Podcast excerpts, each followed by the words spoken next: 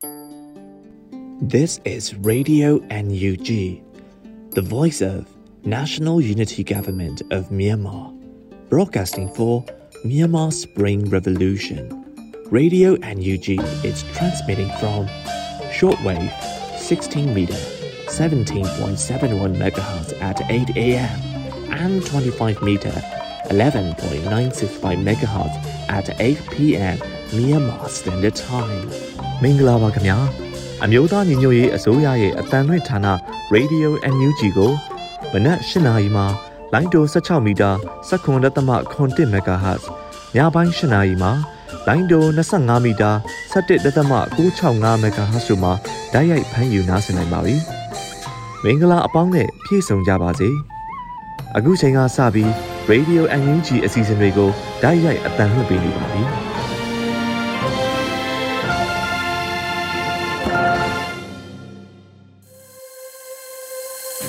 ရေဒီယိုအန်ယူဂျီကိုနားတော်တာဆင်နေတဲ့ပရိသတ်များမင်္ဂလာနေ့လည်ခင်းပါရှင်။ကျမတို့ရဲ့တိုးချက်ထုံးလင်းမှုစီစဉ်ဖြစ်တဲ့နေ့လည်ခင်းစီစဉ်လေးကိုစတင်ထုံးလင်းပြီးတော့မှာဖြစ်ပါတယ်။ဒီနေ့နေ့လည်ခင်းမှာတင်ဆက်ပေးဖို့ရှိနေတဲ့အကြောင်းအရာတွေကတော့ပြည်သူတွေစိတ်ဝင်စားစေမဲ့နောက်ဆုံးရနေ့လည်ခင်းသတင်းတွေ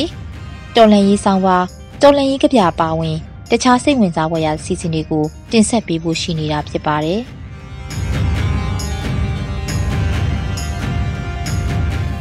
ဒီနေ့နေ့လည်ခင်းရဲ့ပထမဆုံးအစီအစဉ်အနေနဲ့နေ့လည်ခင်းသတင်းတွေကိုတော့ရန်နိုင်ကဖတ်ကြားတင်ပြပေးပါမယ်မင်္ဂလာပါခင်ဗျာခုချိန်အစပြီး Radio NUG နေ့လည်ခင်းသတင်းတွေကိုဖတ်ကြားတင်ပြပေးပါတော့မယ်ခင်ဗျာအခုတင်ပြပေးမယ့်သတင်းတွေကတော့ Radio NUG သတင်းတာဝန်ခံတွေနဲ့ခိုင်လုံတဲ့မိဘသတင်းရင်းမြစ်တွေကအခြေခံထားတာပဲဖြစ်ပါတယ်ကျွန်တော်ကတော့ရန်နိုင်ပါနိုင်ငံတော်ရဲ့တိုင်ပင်ခံပုဂ္ဂိုလ်ဒေါ်ဆန်းစုကြည်ကို တရားစွဲဆိုထားမှုအတွက်ဒေါက်တာဇော်မြင့်မောင်အားတပ်တည်ထွက်ဆိုဖို့ရှိပေမဲ့တားမြစ်ခံခဲ့ရပါတယ်။စစ်တပ်ကအကြမ်းဖက်အာဏာသိမ်းပြီးတဲ့နောက်ဒေါ်ဆန်းစုကြည်ကိုဖမ်းဆီးခဲ့ပြီးဦးညီညီဆိုသူကအတိုင်ပင်ခံပုဂ္ဂိုလ်အပေါ်တဘာဝဘေးရန်ရဲ့ဆိုင်ရာစီမံခန့်ခွဲမှုဥပဒေပုံမှန်25နဲ့တရားစွဲဆိုထားမှုဖြစ်ပြီးနေပြည်တော်ဇူသီမြို့နယ်ရှိအထူးသီးသန့်တရားရုံးမှာစစ်ဆေးနေတာပဲဖြစ်ပါတယ်။မန္တလေးတိုင်းဝန်ကြီးချုပ်ဒေါက်တာဇော်မြင့်မောင်ကလည်း အာနာသိန်းစစ်အုပ်စုကအမှုပေါင်း၉မှုဖြင့်တရားစွဲခဲ့ပြီးလွန်ခဲ့တဲ့ဒီဇင်ဘာလ10ရက်ကရာဇသက်ကြီးဥပဒေပုံမှန်905ခါခွေအရာထောင်နဲ့2နှစ်နဲ့တဘာဝဘေးရန်ရဲ့ဆိုင်ရာစီမံခန့်ခွဲမှုဥပဒေပုံမှန်25မြင်းဆောင်30ကာကြီးအရာထောင်ဒဏ်2နှစ်စုစုပေါင်းထောင်ဒဏ်4နှစ်ချမှတ်ခဲ့ကြပါတယ်။တဘာဝဘေးစီမံမှုနဲ့ပတ်သက်ပြီးနိုင်ငံတော်ရဲ့တိုင်ပင်ခံပုဂ္ဂိုလ်ဒေါ်ဆန်းစုကြည်ကိုတရားစွဲဆိုထားမှုမှာ မန္တလေးတိုင်းဝန်ကြီးချုပ်ဒေါက်တာဇော်မြင့်မောင်ကတပ်သေးထွက်ဆိုဖို့ရှိပါတယ်။ဒါပေမဲ့မန္တလေးဥပိုလ်တော်မှာချုံတောင်ခံထားရတဲ့ဒေါက်တာဇော်မြင့်မောင်အားနေပြည်တော်အထူးသီးသန့်တရားရုံးမှာတပ်သေးလာရောက်ထွက်ဆိုဖို့စစ်ကောင်စီလက်အောက်ခံများကဒုတိယအကြိမ်မြောက်တားမြစ်ခဲ့ကြပါတယ်။ပထမအကြိမ်တပ်သေးဆင့်ခွင့်ရမှာလဲကျမ်းမာရေးအခြေအနေကြောင့်ခရီးမသွားသင့်ဘူးဆိုပြီးအကြောင်းပြကစစ်ကောင်စီလက်အောက်ခံကျမ်းမာရေးဌာနကတားမြစ်ခဲ့တာဖြစ်ပါတယ်။လက်ရှိမှာတော့ ဒေါက်တာဇော်မြင့်မောင်တပ်သေးထွက်ဆိုမဲ့ကိစ္စနဲ့ပတ်သက်ပြီးကော်မရှင်တရက်ဖွဲ့စည်းကတပ်သေးထွက်ဆိုချက်ယူရန်ဒါမှမဟုတ် online ဗီဒီယိုစနစ်ဖြင့်တပ်သေးထွက်ချက်ယူရန်နီးလန့်များအားတရားသူကြီးကပြောခဲ့တယ်လို့သိရပါတယ်။ဒီချက်ပေါ်မှာဒေါ်ဆန်းစုကြည်ရဲ့ရှေ့နေအဖွဲ့ကတုံ့ပြန်ရမှာတော့ဒေါက်တာဇော်မြင့်မောင်အားလူချင်းတွေ့ကစစ်ဆေးခြင်းနဲ့ online ဗီဒီယိုကတဆင့်စစ်ဆေးခြင်းကြွားချမှုတို့အားရှင်းပြရန်နဲ့ကာယကံရှင်ဒေါ်ဆန်းစုကြည်ထံက လမ်းညွှန်ချက်ရယူရန်ရှိကြောင်းပြန်လည်ပြောဆိုခဲ့ကြပါတယ်။အဲဒီနောက်မှာတော့အမှုအားဆက်လက်ဆောင်ရွက်ဖို့ဒီဇင်ဘာလ20ရက်အားရုံးချိန်ပြန်လည်ချင်းဆိုခဲ့ကြပါတယ်။အာနာသိန်းစီယိုစုဟာဖေဖော်ဝါရီလ1ရက်နေ့အာနာသိန်းစဉ်ကလေးကနိုင်ငံတော်ရဲ့တိုင်ပင်ခံပုဂ္ဂိုလ်အားအရမဖမ်းဆီးထားပြီးအမှုပေါင်း17မှုဖြင့်တရားစွဲဆိုထားပါတယ်။လွန်ခဲ့တဲ့ဒီဇင်ဘာလ6ရက်ကတော့ထောင်ဒဏ်၄နှစ်ကြာခံစေဖို့အမိန့်ချခဲ့ကြပါတယ်ခင်ဗျာ။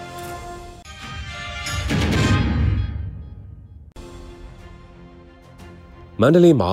PDF 2ဦးကြာဆုံးသွားပြီး3ဦးပြင်းထန်တဲ့ဒဏ်ရာများနဲ့အတူဖမ်းဆီးခံခဲ့ရပါတယ်။မန္တလေးမြို့မှာဒီဇင်ဘာလ12ရက်ညပိုင်း9နာရီခန့်မှာစစ်ကောင်စီတပ်များဝင်ရောက်စီးနင်းပစ်ခတ်မှုကို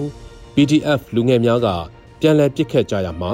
PDF တပ်သား2ဦးကြာဆုံးခဲ့ရပါတယ်။3ဦးဖမ်းဆီးခံခဲ့ရပြီး3ဦးဟာလည်းအသက်အန္တရာယ်ဆုံးရင်ရတဲ့အခြေအနေပဲဖြစ်ပါတယ်။ဒဒီပြစ်ခတ်မှုအခင်းဖြစ်ပွားရာနေရာကတော့ မန္တလေးတိုင်းမဟာအောင်မြင်မြို့နယ်တန်လျက်မော်အနောက်ရက်ကွက်42လမ်း62လမ်းနဲ့62လမ်းကြားမှာပဲဖြစ်ပါတယ်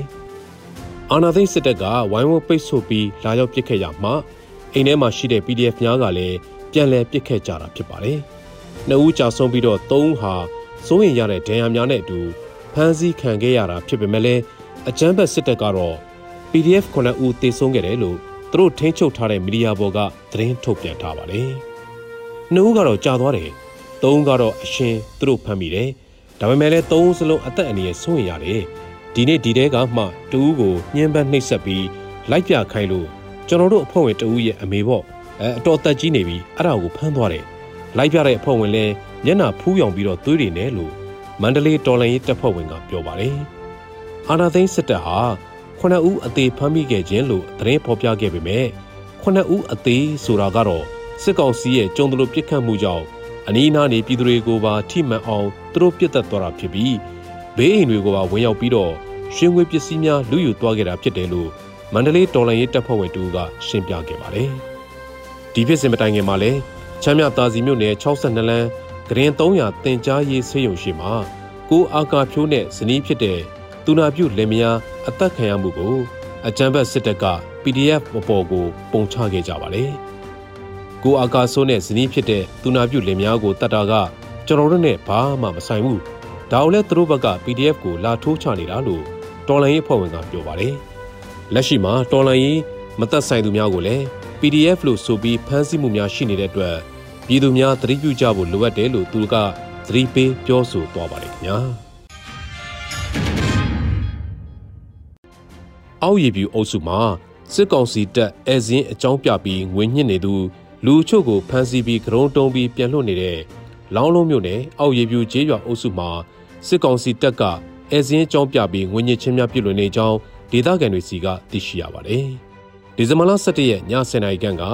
ရေပြူရွာဂေါ်အင်းရွာထိန်ကြီးရွာပိနေတော်ရွာဂရိုင်းငယ်ထင်ရွာကျွဲရိုက်ရွာတို့မှာတချိန်တည်းအဲဇင်းဝင်စစ်ခဲ့တယ်လို့ရွာသားတူကဆိုပါတယ်။စစ်သားတွေကအရက်မိုးနေပြီးရစ်တယ်အိမ်အောင်စုတွေကအတိုင်းလူမပြည့်ရင်ဖမ်းမယ်လို့ချင်းကြောက်တယ် မဲမပြိုလေးတွေရှိတဲ့အိမ်ဆိုရင်ဟိုကိုင်းဒီကိုင်းနဲ့ရိုင်းတယ်လို့သူကပြောပါတယ်ကြရက်ငယ်ထင်ရွာကိုအဲစင်းဝင်စစ်ပြီးရွာမှကိုသားသားကိုဖြိုးဝေရန်သိမ်းမယမင်းအေးပါဝင်မျိုးသမီးတူတို့ကိုစစ်ကောင်စီတပ်ကဖမ်းဆီးသွားခဲ့ကြောင်းအဲဒီနောက်ဒီကနေ့မနက်မှာကိုသားသားကိုဖြိုးဝေရန်သိမ်းတို့ကိုကရုံးတုံးပေးပြီးမယမင်းအေးနဲ့မျိုးသမီးတူကိုသပင်အနှဲငယ်စီဖြတ်ခါပြန်လည်လွှတ်ပေးခဲ့တယ်လို့ဒေသခံကပြောပါတယ်။အဲဇင်းဝင်စစ်ချိန်မှာ လူမပြည့်တဲ့နေအိမ်မှာရှိတဲ့စိုက်ကင်များကိုတင်စီပြီးအလိုရှိရာများယူဆောင်က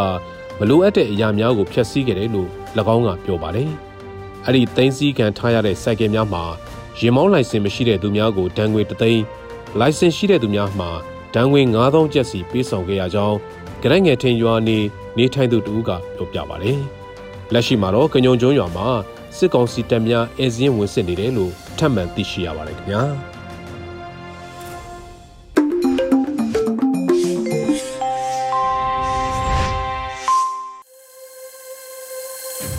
အခုဆက်လက်ပြီးနားဆင်ကြရမှာကတော့ကာကွယ်ရေးဝန်ကြီးဌာနမှထုတ်ပြန်တဲ့ကရီနီအမျိုးသားကာကွယ်ရေးတပ် KNDF နဲ့ပတ်သက်တဲ့ကြေညာချက်ကိုမျိုးဦးအလင်ကာကဖတ်ကြားတင်ပြပေးမှာဖြစ်ပါတယ်။ပြည်ထောင်စုသမ္မတမြန်မာနိုင်ငံတော်အမျိုးသားညီညွတ်ရေးအစိုးရကာကွယ်ဝင်ကြီးဌာနက1383ခုနှစ်နဒေါ်လာဆန်း10ရက်2021ခုနှစ်ဒီဇင်ဘာလ23ရက်ရက်စွဲဖြင့်ကြေညာချက်အမှတ်9မြင်းဆောင်2021ကိုထုတ်ပြန်ကြေညာလိုက်ပါတယ်။ အဆိုပါကြေညာချက်အပြည့်စုံမှာကီယနီမျိုးသားများကာကွယ်ရေးတပ် KNDF နှင့်ပတ်သက်သောကြေညာချက် D ကီယနီမျိုးသားများကာကွယ်ရေးတပ် KNDF သည်ကီယနီတပ်မတော် KA နှင့်အတူလက်တွဲ၍ဆေးရနာရှင်စနစ်စန့်ကျင်တော်လှန်ရေးတွင်တပ်ဦးမှတွန်းလှန်တိုက်ခိုက်နေသောတပ်ဖွဲ့ဖြစ်သည် KNDF သည်စနစ်ကျသောဖွဲ့စည်းပုံစစ်ဦးစီးမှုခိုင်မာသောမူဝါဒများဖြင့် KNB အတိုင်းအမြံကောင်စီ KSCCE ကြီးကြပ်မှုအောက်တွင်ရပ်တည်လျက်ရှိသည် နှင့် KNDF သည်ဒေသအတွင်းရှိပြည်သူ့ကာကွယ်ရေးတပ်မတော် PDF တရင်တပ်ဖွဲ့များနှင့်ပူးပေါင်းဆောင်ရွက်ကာဆေးရနာရှင်စနစ်ချုပ်ငြိမ်းရေးနှင့် Federal Democracy ပြည်ထောင်စုပေါ်ပေါက်ရေးအတွက်တိုက်ပွဲဝင်နေသည့်တော်လှန်ရေးအဖွဲ့အစည်းဖြစ်သည်။၃ထို့အပြင် KNDF သည်ကာကွယ်ဝင်ကြီးဌာနအမျိုးသားညီညွတ်ရေးဆိုရနှင့်လည်းမြေပြင်စီရေးနိုင်ငံရေးခြေအနေများကိုစဉ်ဆက်မပြတ်ချိတ်ဆက်ဆောင်ရွက်လျက်ရှိသည်။သို့ဖြစ်၍ ကီနီမျိုးသားများကာကွယ်တပ် KNDF သည်ကီနီပြည်ပြည်သူ့ကာကွယ်တပ်ဖွဲ့ဖြစ်ပြီးကာကွယ်ဝင်ကြီးဌာနအမျိုးသားညီညွတ်ရေးအစိုးရကအတိမတ်ပြုပူးပေါင်းဆောင်ရွက်နေသည့်အဖွဲ့အစည်းဖြစ်ကြောင်းထုတ်ပြန်ကြေညာအပ်ပါသည်။ပုံရီမွန်ပြည်ထောင်စုဝင်ကြီးကာကွယ်ဝင်ကြီးဌာန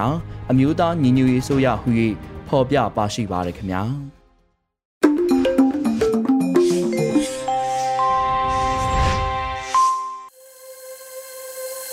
ဗီဒီယိုအန်ယူချီရဲ့နေ့လည်ခင်းအစီအစဉ်တွေကိုဆက်လက်တင်ပြနေပါတယ်။ဒီနေ့နေ့လည်ခင်းရဲ့မိုးမခသတင်းညင်ကွင်းစောင်းပါမှာတော့နေ့စဉ်သတင်းတွေကအရက်သားတည်ဆုံမှုမှတ်တမ်းနဲ့တမိုင်းဆိုတဲ့မိုးမခမြင်ကွင်းသတင်းစောင်းပါကိုတော့ဟင်းကူကူကဖတ်ကြားတင်ပြပေးမှာဖြစ်ပါတယ်ရှင်။နေ့စဉ်သတင်းတွေကအရက်သားတည်ဆုံမှုမှတ်တမ်းနဲ့တမိုင်း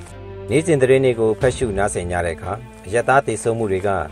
နေ့စဉ်ဒါဇင်နဲ့ချီတဲ့ကိန်းဂဏန်းလောက်ရှိနေတာတွေ့ရမှာဖြစ်ပါတယ်။တချို့အဖြစ်အပျက်တွေမှာတဦးသေးဆုံးအနှဲငယ်ဒဏ်ရာရတာတွေရှိသလိုတချို့အဖြစ်အပျက်တွေကတဦးမကတနေရတယ်ဖြစ်ပျက်တစ်ခုထဲမှာသေဆုံးကြတာတွေဖြစ်ပါတယ်။ဒီနေရာမှာရက်သားလို့ရေပုံရအတိတ်ပဲသတ်မှတ်တာကလက်နက်ကင်ထားသူမဟုတ်တာလက်နက်ကင်အဖွဲ့အစည်းတစ်ခုရဲ့အဖွဲ့ဝင်မဟုတ်တာကိုဆိုလိုတာဖြစ်ပါတယ်။လက်နက်ကင်အဖွဲ့အစည်းတစ်ခုအဖွဲ့ဝင်ဖြစ်တော်လဲ လက်နက်ကင်တာဝန်ထမ်းဆောင်စဉ်ဟုတ်ချင်းမဟုတ်ချင်းဆိုတာမျိုးလဲနိုင်ငံတကာဥပဒေတွေမှာသေးစိတ်ထက်မှန်ခွဲခြားပြောဆိုကြတာမျိုးလဲရှိပါတယ်။သို့တော့ဒီနေရာမှာတော့လက်နက်ကင်အဖွဲ့ဝင်ဟုတ်ချင်းမဟုတ်ချင်းဆိုတဲ့အထိလောက်ပဲရည်ညွှန်းပြောဆိုလိုတာဖြစ်ပါတယ်။နေ့စဉ်သိဆုံးမှုတွေနဲ့သိဆုံးမှုအမျိုးအစားကိုလည်းအမျိုးမျိုးထက်ခွဲခြားရမယ်ထင်ပါတယ်။လက်နက်ကင်တပ်ဖွဲ့အချင်းချင်းတိုက်ခတ်ရင်းအရက်သားတွေသိဆုံးတာလက်နက်ကင်အဖွဲ့တွေကစစ်ဆေးတဲ့နေရာဂိတ်တွေမှာရက်မပေးလို့ဆိုပြီး ပြစ်ခတ်မှုကြောင့်တေဆုံးရတာစစ်ဆေးဖို့လာရောက်ခေါ်ဆောင်ချိန်မှာပဲတရားလက်လွတ်တေဆုံးသည့်အထိပြစ်ခတ်ရိုက်နှက်လို့တေဆုံးရတာမျိုးစစ်ကြောရေးမှာစစ်ဆေးတဲ့နေရာမှာနှိပ်စက်မှုကြောင့်ရိုက်နှက်မှုကြောင့်တေဆုံးရတာခြေရာတွေကိုဝင်ရောက်ချိန်မှာပြစ်ခတ်မှုကြောင့်တေဆုံးရတာလက်နက်ကြီးနဲ့ခြေရွာတွေကိုပြစ်ခတ်ထိမှန်ပြီးတေဆုံးရတာဖတ်မှာတရင်ပေးလို့တန်တရားရှိသူမြို့နယ်ရက်ွက်အုပ်ချုပ်ရေးအဖွဲ့ဝင်တွေ ပြူစောတိအဖွဲ့ဝင်လို့ယူဆသူတွေကိုလောက်ကျန်တက်ဖြတ်တဲ့အဖြစ်ပြက်တွေကနေ့စဉ်အဖြစ်ပြက်တွေကတေဆုံးမှုတွေဖြစ်ပါတယ်။ AAPP လို့ဖွဲ့စည်းအနေနဲ့လဲသတင်းမီဒီယာတွေမှာဖော်ပြချက်တွေက social media ပေါ်ကဖော်ပြချက်တွေကိုစောင့်ကြည့်မှတ်တမ်းတင်နေတာတွေရှိပါတယ်။ဖြစ်ပျက်အများစုကိုမှတ်တမ်းတင်နိုင်ပေမဲ့လင်းဟာမှုတွေအရက်သားလို့ယူဆတာမယူဆတာတွေလက်နက်ကိုင်အဖွဲ့ဝင်လို့ဘ လို့အတိတ်ပဲတတ်မှတ်ချက်နဲ့အကဲဖြတ်မယ်ဆိုတာတွေမှာတော့အငင်းပွားစရာဆွေးနွေးစရာရှိနိုင်ပါတယ်။လက်တလောအယက်သားတက်ပြတ်မှုတွေကိုတားဆီးနိုင်ခြင်းလျှော့နှဲအောင်လုပ်နိုင်ခြင်းမလုပ်နိုင်ခြင်းကနိုင်ငံရေးပြဿနာနိုင်ငံရေးအင်အားစုတွေအနေနဲ့လှုပ်ဆောင်ရမယ့်ပြဿနာဖြစ်ပြီးလူခွင့်ရေးအဖွဲ့တွေအနေနဲ့တော့စက်ကျင်ရှုပ်ချတာတွေညီမောင်းထိုးပြတာတွေလုပ်နေကြတာလည်းတွေ့ရပါတယ်။ပရိပခတွေဖြစ်ပွားပြီးရက်တန့်ချိန်အဆုံးသက်ချိန်မှာ တရားမျှတမှုရှာဖွေတဲ့လုပ်ငန်းစဉ်လိုမျိုးကအချိန်ထဲမှာရှိလာမှာဖြစ်ပါတယ်။ဒီတွင်ကအဖွဲ့အစည်းတွေအကြားမျက်နာခံစားရတဲ့လူလူနဲ့ကျူးလွန်ခဲ့တဲ့လူပုဂ္ဂိုလ်အဖွဲ့အစည်းတွေအကြားဝင်ချတောင်းပန်တာပြောဆိုကြတာသို့မဟုတ်ကြီးလေးတဲ့ပြစ်မှုတွေအတွက်တာဝန်ရှိတဲ့လူပုဂ္ဂိုလ်တွေကိုနိုင်ငံတကာခုံရုံးတွေမှာစစ်ဆေးစီရင်ကြတာတွေရှိလာမှာဖြစ်ပါတယ်။2018ခုနှစ်ရခိုင်ပြည်နယ်မှာဖြစ်ပွားခဲ့တဲ့အရက်သားထောင်ပေါင်းများစွာသောတပ်ဖြတ်ခံရမှုတွေအတွက် 2019ခုနှစ် ICC လို့ခေါ်တဲ့နိုင်ငံတကာရာဇဝတ်ပြစ်မှုဆိုင်ရာခုံရုံးမှာစစ်ဆေးကြားနာခံရတာဟာတာရကတစ်ခုဖြစ်ပါတယ်။ဒီလိုကာလကိုမှန်းဆပြီးတရားမျှတမှုဆိုတဲ့အရာကိုလည်းအဖွဲ့အစည်းအသီးသီးမှာပါဝင်နေတဲ့သူတွေစင်ကျင်ထိန်းသိမ်းနိုင်ကြဖို့လိုအပ်မှာဖြစ်ပါတယ်။တမိုင်းမှာတက်ဖြတ်မှုတွေရက်စက်တဲ့ဖြိုခွဲမှုချေမိုးမှုတွေကိုအမိပေးခဲ့သူတွေဟာတည်တည်အထိ သူတို့ရဲ့တမိုင်းနိုင်ငံရဲ့တမိုင်းမလှပကြပါဘူး။ဘော့စနီးယား၊ဆာဗီးယားကမီလိုဗန်စီဗစ်တို့ရိုဒိုဗန်ကာရာတစ်တို့ကခေတ်သစ်တမိုင်းမှာစစ်ရာဇဝတ်ကောင်လို့အမည်တင်ခံရသူတွေပါသူတို့လိုစစ်ပွဲမဟုတ်ပေမဲ့မျိုးပြတပိတ်ဆန္ဒပြမှုတွေကိုရက်ဆက်စွာဖြိုခွဲခဲ့တဲ့တောင်ကိုရီးယားသမ္မတဟောင်းချန်နူးဝမ်တို့တမိုင်းမှာတည်ဆုံးသည့်အထိဂုံတရင်ညှိုးငယ်စွာနေခဲ့ရတဲ့ဖြစ်ပျက်တွေရှိပြီးဖြစ်တာကိုသတိပြု စင်ကြင်နိုင်ကြဖို့အရေးကြီးလာပါတယ်လို့ရေးသားထားပါတယ်ခင်ဗျာ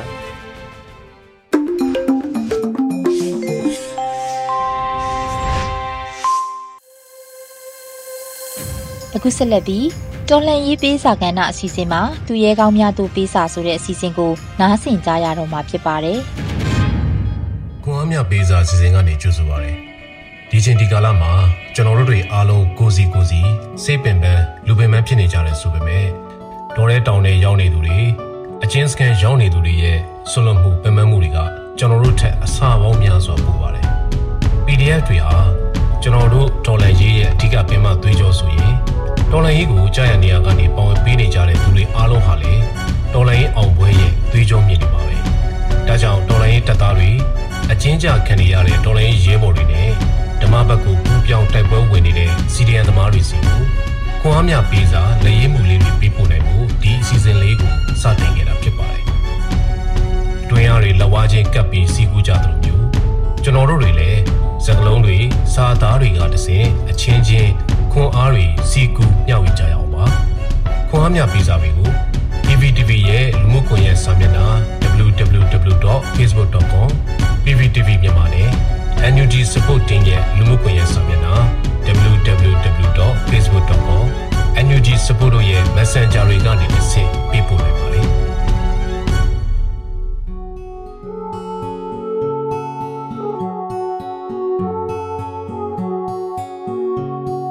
CDF PDF KNDF CDMR များအားလုံးမင်္ဂလာပါရှင်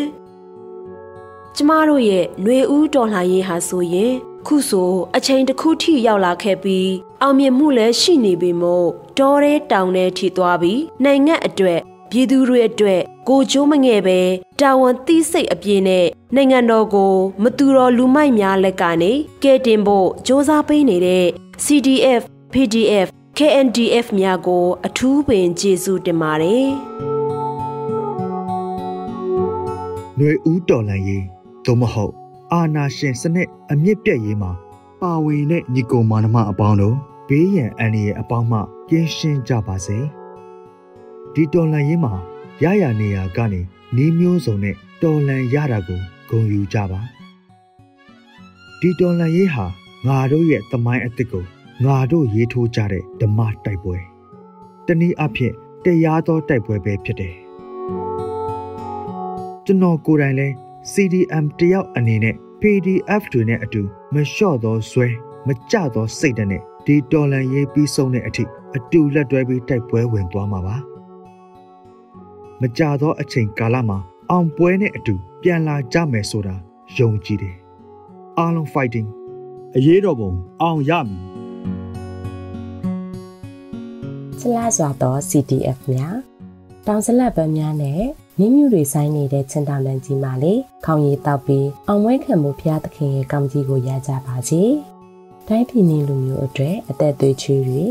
တေးပြီးပေးနေတဲ့ခွန်လူဆုံးက CTF တွေကိုချက်တဲ့လေးလေးလေးစားပါတယ်။အရေးတော်ပုံကြီးပြီးသွားရင်ခေါင်းရည်အတူတူတောက်ပြီးမိဘုံပွဲနဲ့ပြောကြမယ်နော်။အားလုံးဖိုက်တယ်မှာချစ်လက်စွာသော PDF များ တောင်အရင်ကြည်မွန်တဲ့အာဇာနည်သူရဲကောင်းများကိုဦးညွတ်အလေးပြုဂုဏ်ယူရပါတယ်။အရေးတော်ပုံကြီးပြီးသည့်တိုင်တာဝန်တွေဆက်ထမ်းဆောင်နေမဲ့မြို့ချစ်သူရဲကောင်းများကိုဘင်းအန်ဒီရေကင်းရှင်းကြပြီးမိသားစုတွေပြန်လဲဆုံတွေ့ကြပါစီနော်။ Fighter တော့အားလုံးကိုချစ်တယ်။ချစ်လာစွာသော ADF များမကြောက်မရွံ့ရဲဝံတတိရှိသူတွေမြို့သိမ်းတိုက်ပွဲတွေကိုအမြင့်ဆုံးဆင်နွှဲနိုင်ကြပါစေ။ ဘေးအန္တရာယ်ကင်းရှင်းပြီးကုညီဆောင်မသူများပေါ်ကြပါစေ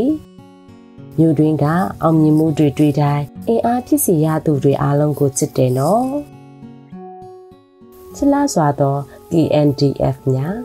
ကိုတိုင်းသားသွေးချင်းတွေမို့ပိုချစ်ခင်ပြီးပိုလေးစားရပါတယ်။ဒူဘူဝါတွေလက်ထက်ကလေးကတိုက်လာရတဲ့ဒီတိုက်ပွဲမှာတို့သွေးချင်းတွေရဲ့အားနဲ့အောင်ပွဲရဖို့အတူဆင်နွှဲကြမယ်။လုံးဝအာမလျှော့ကြပါနဲ့။ အာတမီရှိဆဲကြမယ်။ရအိုင်နာ KNDF စစ်တပ်ကပြည်သူတွေဆန္ဒနဲ့ရွေးချယ်ထားတဲ့ခေါင်းဆောင်တွေကိုဖမ်းပြီးအာဏာလုလိုက်တဲ့ February တရက်နေ့ကစပြီးခံပြင်းခဲ့ရတယ်။ရုံးမှာဝန်ထမ်းတွေရဲ့ရှေ့မှာဘာမှမဖြစ်သလိုဟန်ဆောင်မျိုးသိမ့်နေခဲ့ရတာအတော်ခက်ပါလေစစ်ကောင်စီရဲ့တရားမဝင်မှုအောက်မှာ အတိတ်ပဲမရှိဘူးဘယ်နည်းနဲ့စန့်ကျင်ရမလဲနီလန်းရှာရင် CDM ဘဝကို ရွေးချယ်ခဲ့ပါတယ်အဆုံးထိ CDM ပါပဲစစ်တပ်အမြင့်ပြုတ်မှတော်လန်ရေးပြီးမှဖြစ်တယ်လို့အဲ့ဒီအချိန်ရောက်မှ CDM ကရပ်မှာပါစစ်တပ်ကိုအသက်နဲ့စွန့်ပြီးတိုက်ပွဲဆင်နွှဲနေတဲ့ CDF, PDF, LDF လိုကယ်တွေကိုအရှမ်းလဲလေးစားပါတယ် သူတို့အခြေအနေကဖမ်းမိရင်နှိပ်စက်ပြီးအသက်ကိုပါရန်ရှာမဲ့အခြေအနေပါသူတို့ကို အထူးအားပေးဖို့လိုပါတယ် NUG ရဲ့စွမ်းဆောင်မှုကနိုင်ငံတကာမှာအောင်ပွဲတွေရနေတယ်လို့ပြည်တွင်းမှာလည်း PDF တို့ရဲ့စွမ်းဆောင်မှုကြောင့်စကားစတွေဝတ်လည်နေပါပြီအောင်ပွဲကနီးလာပါပြီအရေးတော်ပုံအောင်နေပြီ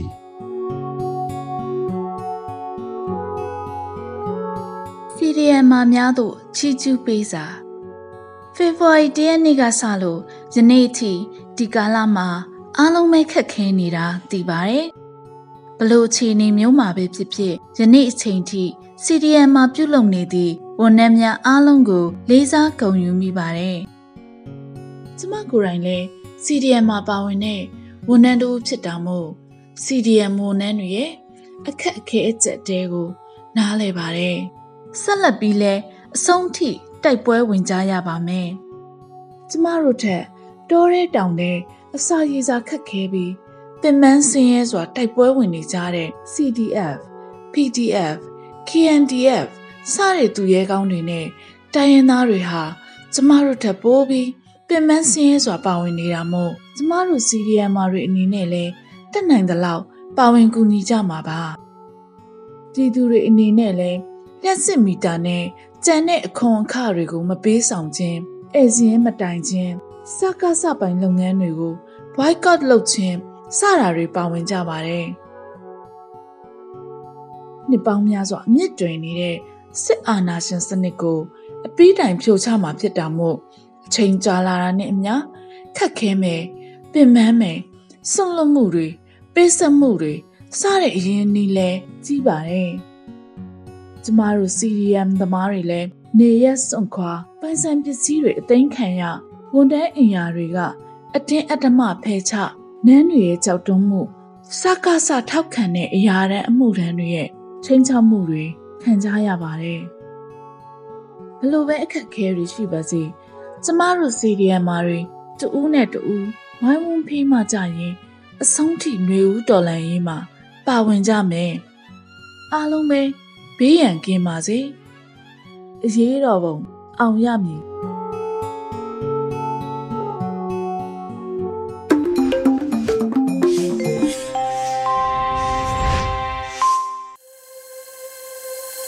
ဗီဒီယိုအန်ယူဂျီရဲ့နေ့လည်ခင်းစီစဉ်တွေကိုဆက်လက်တင်ပြနေပါတယ်။အခုတစ်ခါမှာတော့မြနိုးအေးရဲ့သတင်းလာချင်းလာအပိုင်း28ကိုနားဆင်ကြရတော့မှာဖြစ်ပါတယ်ရှင်။အားလုံး မင်္ဂလာပါဒီမှာတော့မြနိုးအေးပဲဖြစ်ပါတယ်။အပတ်စဉ်တင်ဆက်ပေးနေကြဖြစ်တဲ့သတင်းလာချင်းလာအစီအစဉ်လေးပြန်လည်ကြိုဆိုလိုက်ပါတယ်။ဒီတစ်ပတ်မှာလည်းအင်တာနက်ပေါ်ကသတင်းမားတွေကို PVTV အဖွဲ့သားတွေကအချက်လက်စစ်စစ်ပြီးတော့သတင်းမားဖြစ်ကြောင်းအားလုံးကိုအသိပေးတော့မှာဖြစ်ပါတယ်။ဒီတစ်ပတ်သိပေးရှင်တဲ့သတင်းမအကြောင်းအရာတွေကတော့ချင်းပြည်နယ်ကစစ်ရှုံးလို့ထွက်ပြေးလာတဲ့ PDF တွေကိုတက်မတော်နဲ့အိန္ဒိယစစ်တပ်တို့ကနေဆက်မှာစောင့်ကြိုတိုက်ခိုက်မယ်ဆိုပြီးတော့စစ်အုပ်စုလော်ဘီအကောင့်တွေကဖြန့်နေတဲ့သတင်းမအကြောင်း စာလင်းကြီးမှာအကြမ်းဖက်စစ်တပ်ကယူဟာသား12ဦးကိုမိရှို့ခဲ့တဲ့ဖြစ်စဉ်ကို PDF တွေကလှုပ်ဆောင်ခဲ့ပါတယ်ဆိုပြီးတော့ပုံဖြစ်နေတဲ့သတင်းမအကြောင်းအရာနဲ့ကျင်းမြင့်နိုင်တဲ့ဖိတ်ဖြိုခွင်းမှုမှာတိတ်ဆုံးခဲ့တဲ့အမျိုးသမီးရဲ့ကလေးနဲ့ခင်ပွန်းဆိုပြီးတော့အခြားနိုင်ငံတကူကဖြစ်စဉ်ရဲ့ပုံအဟောင်းကိုအသုံးပြုပြီးတင်ထားတဲ့သတင်းမှားအကြောင်းအရာတွေဖြစ်ပါတယ်ရှင်။အရင်ဆုံးပြပြပေးရှင်တဲ့သတင်းမှားအကြောင်းအရာကတော့ချင်းပြည်နယ်ကစစ်ရှုံးလို့ထွက်ပြေးလာတဲ့ PDF တွေကိုတက်မတော်တဲ့အိန္ဒိယစစ်တပ်တို့က နေဇက်မှာစောင့်ကြိုတိုက်ခိုက်နေတယ်ဆိုပြီးတော့စစ်အုပ်စုလော်ဘီအကောင့်တွေကဖြန့်နေတဲ့သတင်းမှားအကြောင်းအရာပဲဖြစ်ပါတယ်။အဲ့ဒီသတင်းမှာကိုအကြံပတ်စစ်ကောင်စီကိုအားပေးနေကြတဲ့အကောင့်တွေကပြန်လည်ဖြန့်ဝေနေကြတာပဲဖြစ်ပါတယ်။အဲ့ဒီသတင်းမှာအသုံးပြုလာတဲ့ဓာတ်ပုံတွေကိုအချက်လက်စစ်ဆေးကြည့်လိုက်တဲ့အခါမှာတော့2018ခုနှစ်ကအိန္ဒိယနဲ့မြန်မာစစ်တပ်တို့ပူးပေါင်းပြီးနေဆက်မှာကင်းလဲနေတဲ့သတင်းရဲ့ဓာတ်ပုံကိုအသုံးပြုပြီးဖော်ပြနေတာပဲဖြစ်ပါတယ်။ ဒါကြောင့်အကြံဖက်စစ်ကောင်စီကိုအားပေးထောက်ခံနေကြတဲ့အကောင့်တွေကဖြန့်နေကြတဲ့ချင်းပြည်နယ်ကစစ်ရှုံးလာတဲ့ PDF တွေကိုအိန္ဒိယနဲ့မြန်မာစစ်တပ်တို့ကပူးပေါင်းပြီးတော့နေဆက်ကစောင့်ကြိုတိုက်ခိုက်မယ်ဆိုတဲ့တဲ့တင်အအခြေအမြင့်မရှိတဲ့သတင်းမှဖြစ်ကြောင်းအားလုံးကိုအသိပေးချင်ပါတယ်ရှင်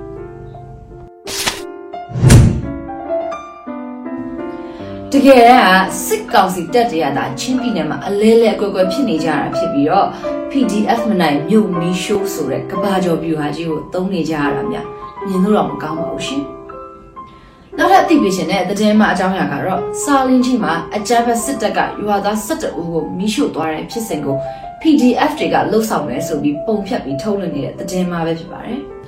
အဲ့ဒီသတင်းအမှားကြောင့်ကိုအကြမ်းဖက်စစ်ကောင်စီကိုအားပေးထောက်ခံနေတဲ့အကောင့်ကစတင်ဖြန့်ချိခဲ့တာဖြစ်ပြီးတော့သတင်းမှာရေးသားထားတဲ့အကြောင်းအရာတွေကတော့စာလင်းကြီးမှာအကြမ်းဖက် NLD PDF များကရွာသားတွေကိုကြိုးတုပ်ပြီးစုပုံမိရှို့တက်သွားတယ်။အယုံမှဆုံးခေါ်ရမှာပဲ။ကန်တူအကျိုးပေးမယ်ထင်တာပဲ။ရက်ဆက်ချက်ကတော့ပြောမပြတတ်တော့ဘူး။ လူစုပြီးပြန်လုပ်ဖို့ပြင်နေကြတဲ့အခုတော့ဗီဒီယိုဖိုင်တင်လို့မရလို့ပါဆိုပြီးစာလင်ကြီးဒုံတော်ကြီးရွာမှာပြည်သူ12ဦးကိုစစ်ကောင်စီကမိရှို့တပ်ဖြတ်ခဲ့တဲ့ဖြစ်စဉ်ကပုံတွေကိုသုံးပြီးတော့ဖြန့်ချိထားတာပဲဖြစ်ပါတယ်။အချက်လက်စစ်ဆေးချက်အရအပြစ်မဲ့တဲ့ပြည်သူတွေကိုအကြောင်းမဲ့တပ်ဖြတ်ပြီးမိရှို့ခဲ့တဲ့ဖြစ်စဉ်ကိုအကြမ်းဖက်စစ်တပ်ကလှုပ်ဆောင်ခဲ့တာဖြစ်ပြီးတော့ဒါကို PDF ကပဲလှုပ်ဆောင်ခဲ့တဲ့အောင်ပုံဖြတ်ပြီးတော့တည်င်းမှာလွှင့်နေကြတာပဲဖြစ်ပါတယ်။ဒီဇင်ဘာလ9ရက်နေ့မနက်9:00နာရီဝန်းကျင်ခန့်မှာ အကြမ်းဖက်စစ်တပ်ကဒုံတော်ကြီးရွာကိုဝင်ရောက်ဖျက်ဆီးပြီးတော့ဒေသခံပြည်သူ12ဦးကိုဂိုင်းတော်ထဲမှာမီးရှို့တပ်ဖြတ်ခဲ့တာလို့နိုင်ငံတကာသတင်းဌာနတွေမှာဖော်ပြထားပါတယ်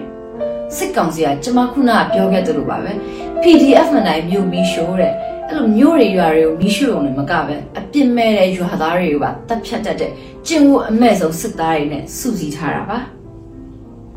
ဒါကလည်းအခုမှမဟုတ်ပဲလွန်ခဲ့တဲ့နှစ်ပေါင်းများစွာကတည်းကတိုင်းရင်းသားဒေသတွေမှာအကြမ်းဖက်စစ်တပ်ကဒီဇိုင်းမမတ်ချင်သုံးခဲ့တဲ့သူနခေါ်စောရဗျူဟာပါသူနခေါ်စောရဗျူဟာဆိုတာကကမ္ဘာတင်ကကျမ်းမှာလည်းမပါဗျူဟာစကိကျမ်းမှာလည်းမပါပဲလူမျိုးတုံးတပ်ဖြတ်မှုဆိုင်ရာဝါသနာရှင်မင်းအောင်လည်းရဲ့တက်ဒေတာဒီဇိုင်းမမတ်ချင်သုံးကြတဲ့ဗျူဟာပါသူနခေါ်ဆိုတာကအိဗယ်ပြန်ရမဆိုရင်တော့ခွေးပေါ့နော်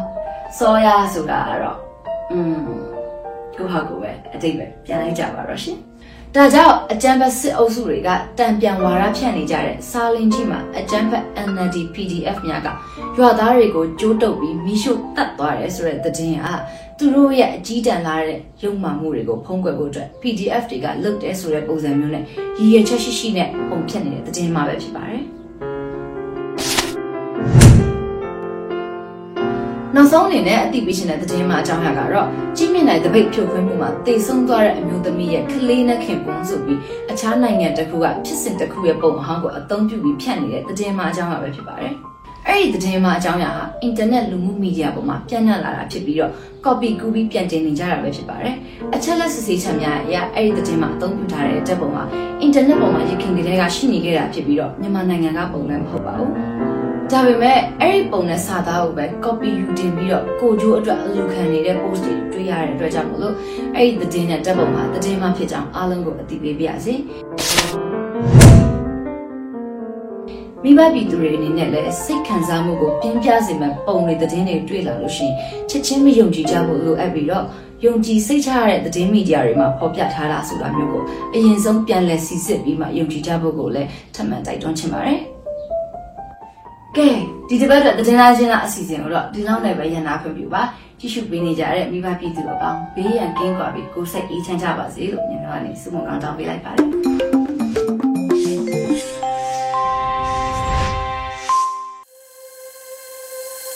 ဒီနေ့နေ့လည်ခင်းရဲ့နောက်ဆုံးစီစဉ်ကိုတော့တော်လှန်ရေးကြပြအစီအစဉ်နဲ့တင်ဆက်ပေးခြင်းပါတယ်။အောင်တင်ရေးသားပြီးတော့ရွေဦးမိုးဖတ်ကြားတင်ပြထားတဲ့ ကျွန်တော်တို့ခေရဲ့အညမညဆိုတဲ့ကြပြကိုနားဆင်ကြရတော့မှာဖြစ်ပါတယ်ရှင်။